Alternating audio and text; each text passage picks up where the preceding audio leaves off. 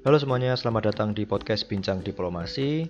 Semoga teman-teman semua sehat dan saya juga berharap masa-masa karantina di rumah juga menjadi masa-masa yang tidak bikin teman-teman stres ya.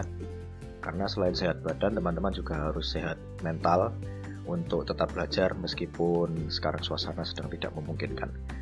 Oke, materi kita hari ini adalah tentang imunitas diplomatik dan hukum internasional.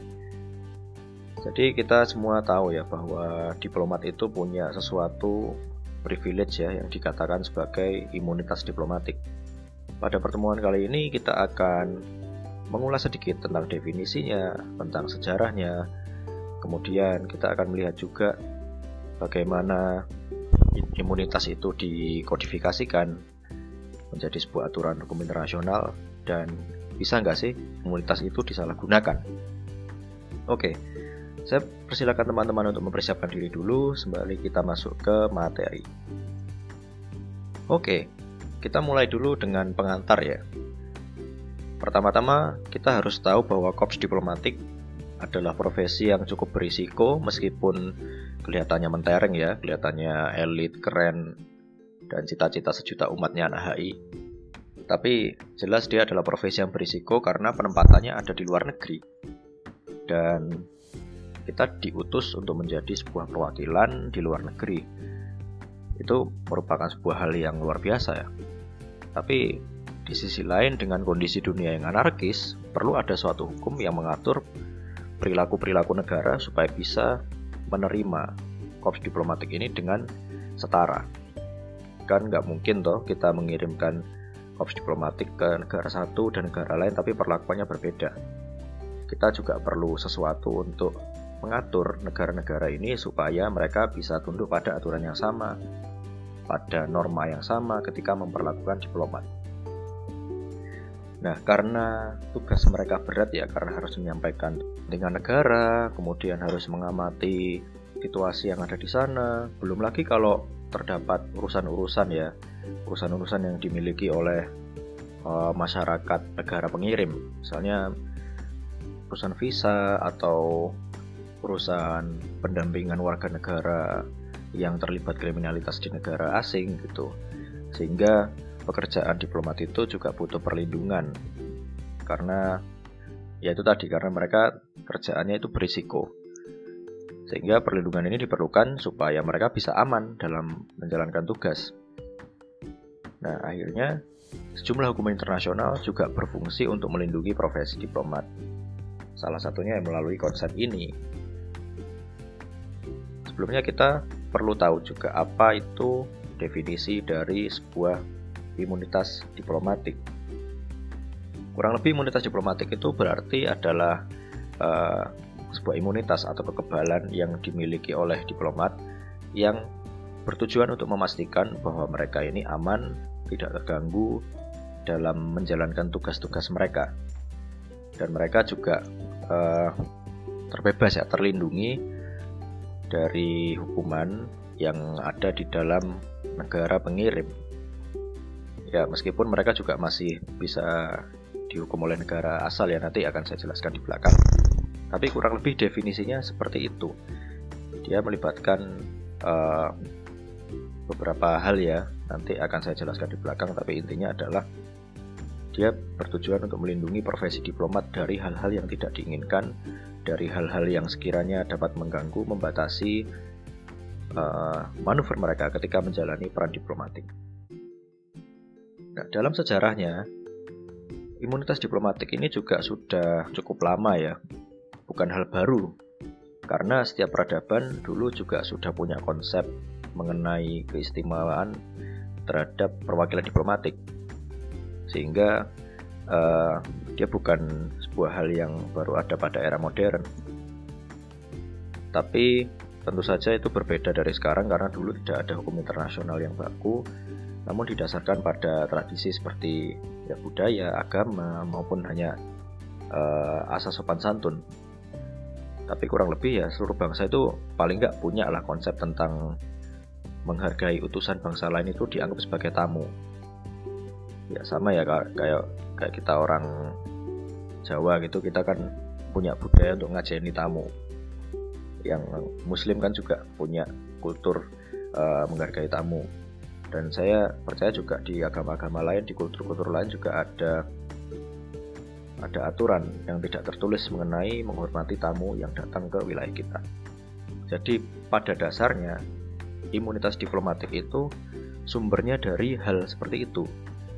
Dari moralitas dasar bahwa tamu yang datang harus dilindungi. Nah, kalau di era peradaban kuno seperti apa? Prakteknya sudah cukup banyak kalau dulu ya. Di pertemuan awal kita sempat membahas bahwa di Yunani kuno ada dewa pelindung bagi kaum diplomat namanya dewa atau dewi ya karena ceritanya ini perempuan ya.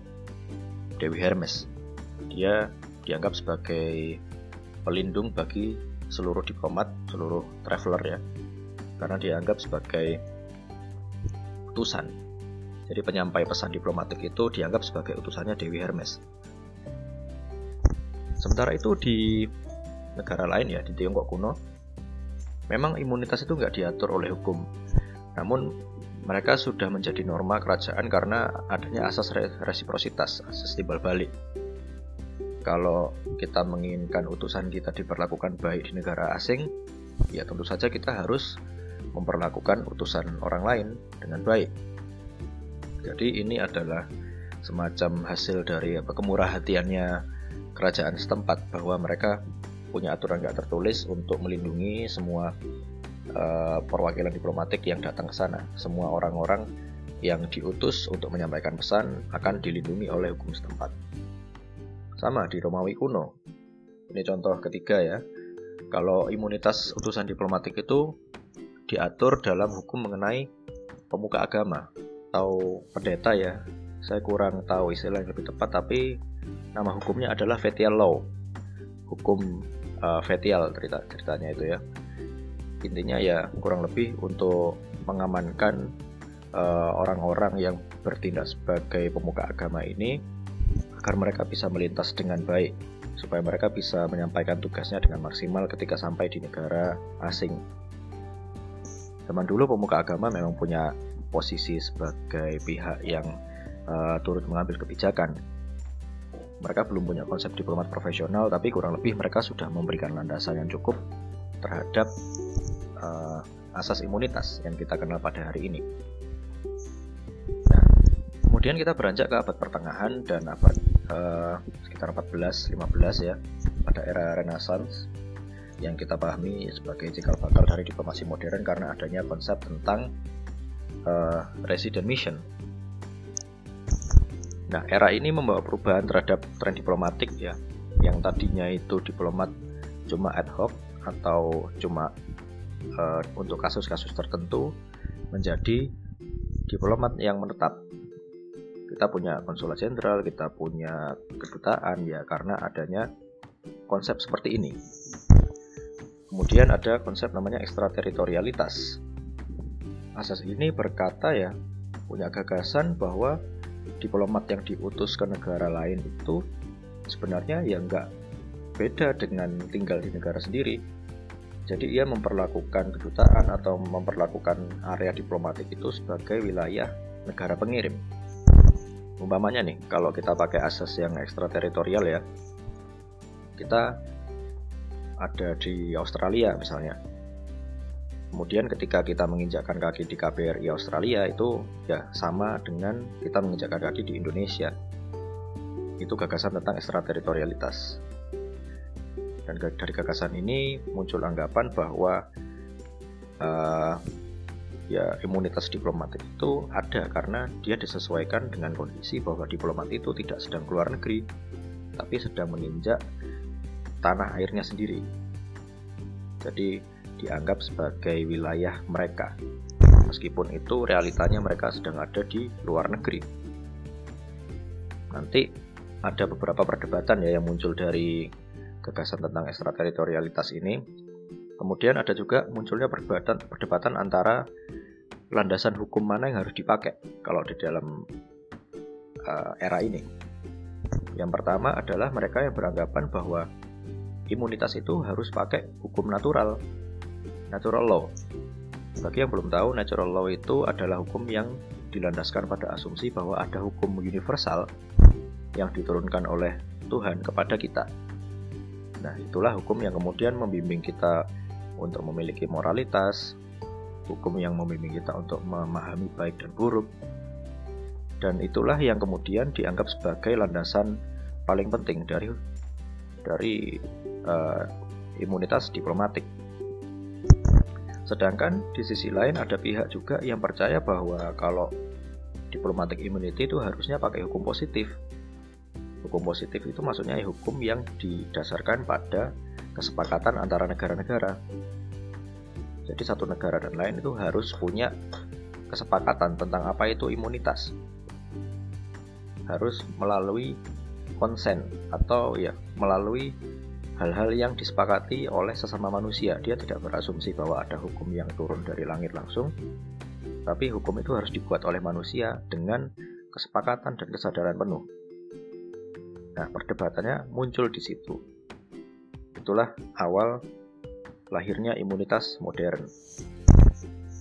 Nah, lama-kelamaan ketika kita masuk ke era modern, yang positif inilah yang kemudian dimenangkan, atau paling tidak yang paling bisa menjawab kebutuhan karena yang positif, hukum positif didasarkan pada kesepakatan, akhirnya dia bisa menjawab pertanyaan tentang perbedaan imunitas di satu negara dan negara lain. Kalau kita pakai hukum natural kan kita berasumsi bahwa semua negara itu tunduk pada satu hukum moral yang sama. Dan itu tidak bisa kita harapkan ya kalau kita bicara soal sistem internasional yang anarkis. Nah, perdebatan berikutnya tadi adalah soal ekstrateritorial versus fungsional. Kalau yang ekstrateritorial bilang bahwa diplomat luar negeri itu harus diperlakukan seperti di negara asalnya. Jadi ya mau ngapain aja boleh karena ya terserah dia kan. Tapi kalau yang fungsional bilang uh, ya gimana gimana pun ini bukan negaranya dia. Jadi yang harus dilakukan adalah kita memang menganggap diplomat itu punya kelebihan tapi kelebihannya itu cukuplah dibatasi pada hal-hal yang membantunya melaksanakan tugas. Jadi kalau itu tidak ada kaitannya sama tugasnya ya nggak usah dikasih imunitas. Karena kalau nggak begitu nanti ya hukumnya akan terlalu luas ya, terlalu membebaskan.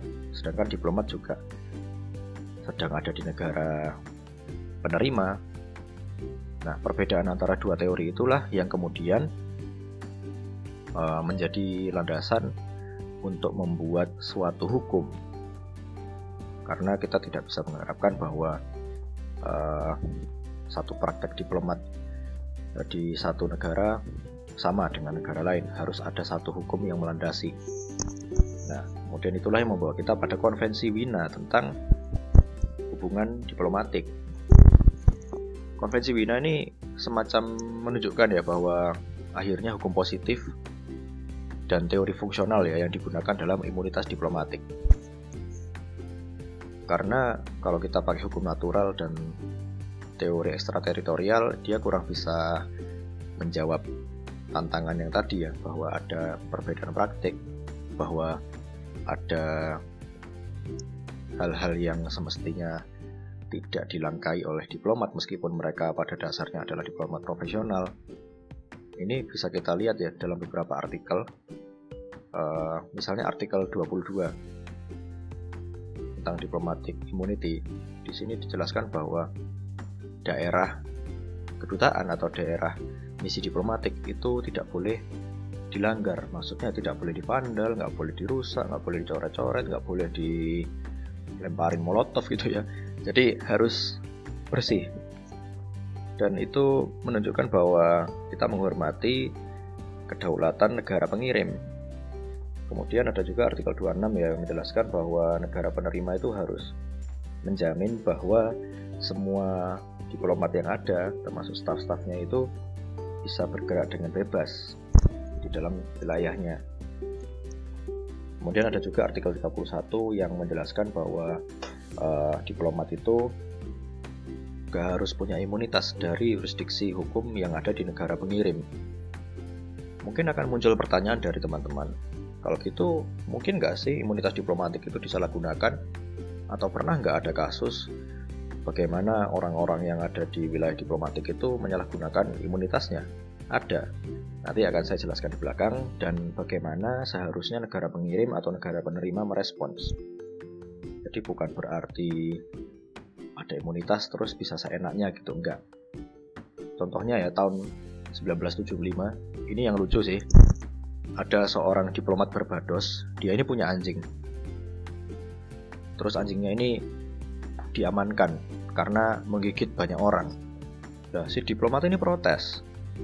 Dia nggak terima kalau anjingnya itu mau diamankan sama petugas. Dia bilang kalau anjingnya itu juga punya imunitas karena itu anjingnya diplomat.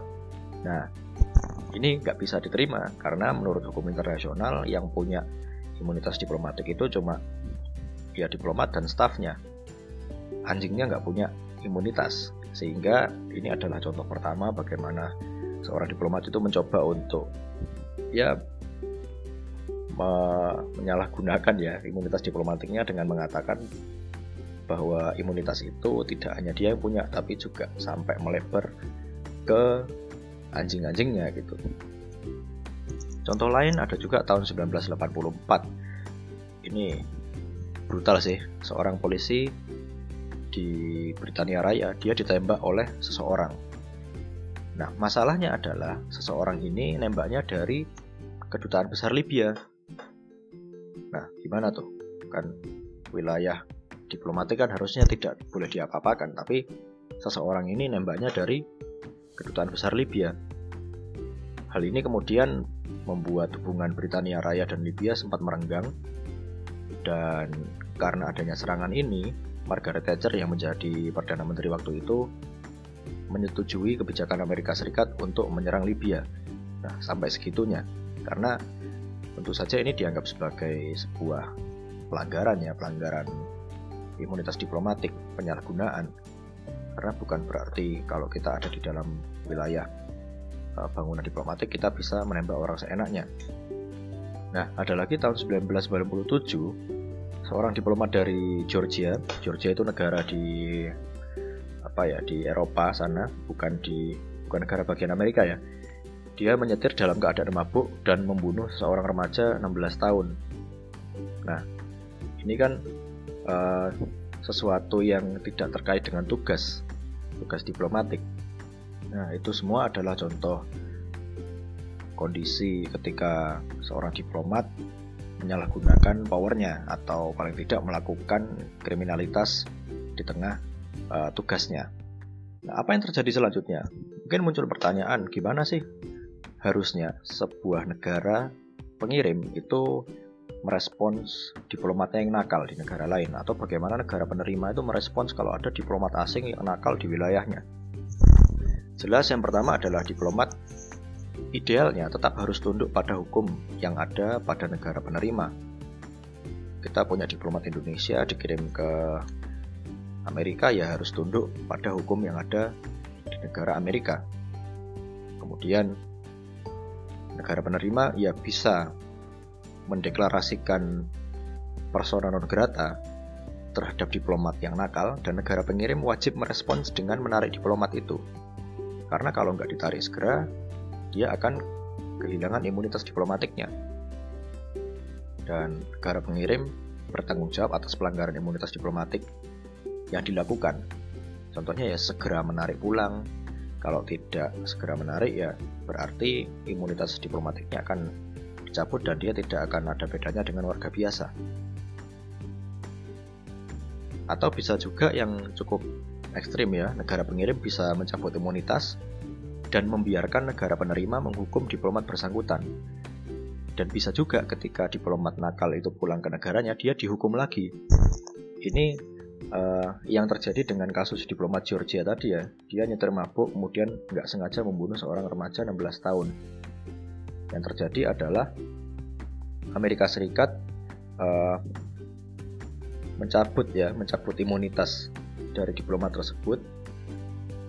Kemudian Georgia membiarkan Amerika Serikat untuk menghukum sang diplomat dan akhirnya dia dipenjara tiga tahun di sebuah penjara di North Carolina Ya, yang lucu adalah ketika dia pulang ke Georgia, dia dihukum lagi. Jadi hukuman penjaranya ditambah 2 tahun. Nah, karena dia membunuh anak 16 tahun ini ketika dia menyetir sambil mabuk, dia akhirnya menjalani penjara total 5 tahun. 3 tahun di Amerika Serikat dan 2 tahun di Georgia ketika dia dipulangkan kembali. Nah, jadi jawaban untuk pertanyaan apakah negara pengirim bisa menghukum bisa. Nah, ini harusnya dilandasi pada semangat asas timbal balik ya bahwa kita mau dihargai ya kita harus bisa menghargai negara penerima. Kalau tidak ya mungkin akan berujung pada buruknya hubungan diplomatik seperti yang terjadi pada kasus Britania Raya dan Libya kemarin. Nah, sehingga bisa saya simpulkan bahwa diplomat adalah profesi yang syarat akan sejarah. Dia sudah uh, punya sejarah di berbagai peradaban ya, bahwa setiap peradaban punya beberapa orang yang ditunjuk sebagai penyampai pesan, entah itu bagi raja, entah itu bagi kaisar, bagi paus, bagi pangeran atau apa pun lah. Ya. Mereka sudah punya landasan itu. Dan ini kita mengenal diplomat profesional yang sebenarnya juga merupakan pengembangan dari itu semua. Nah, karena pekerjaan mereka ini sebenarnya sulit ya, mereka juga butuh perlindungan.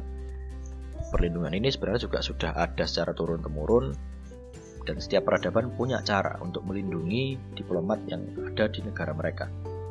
Ada yang menggunakan landasan agama, ada yang menggunakan landasan tradisi, ada yang menggunakan landasan sopan santun, tapi intinya adalah rata-rata mereka sudah menganggap tamu sebagai sosok yang terhormat.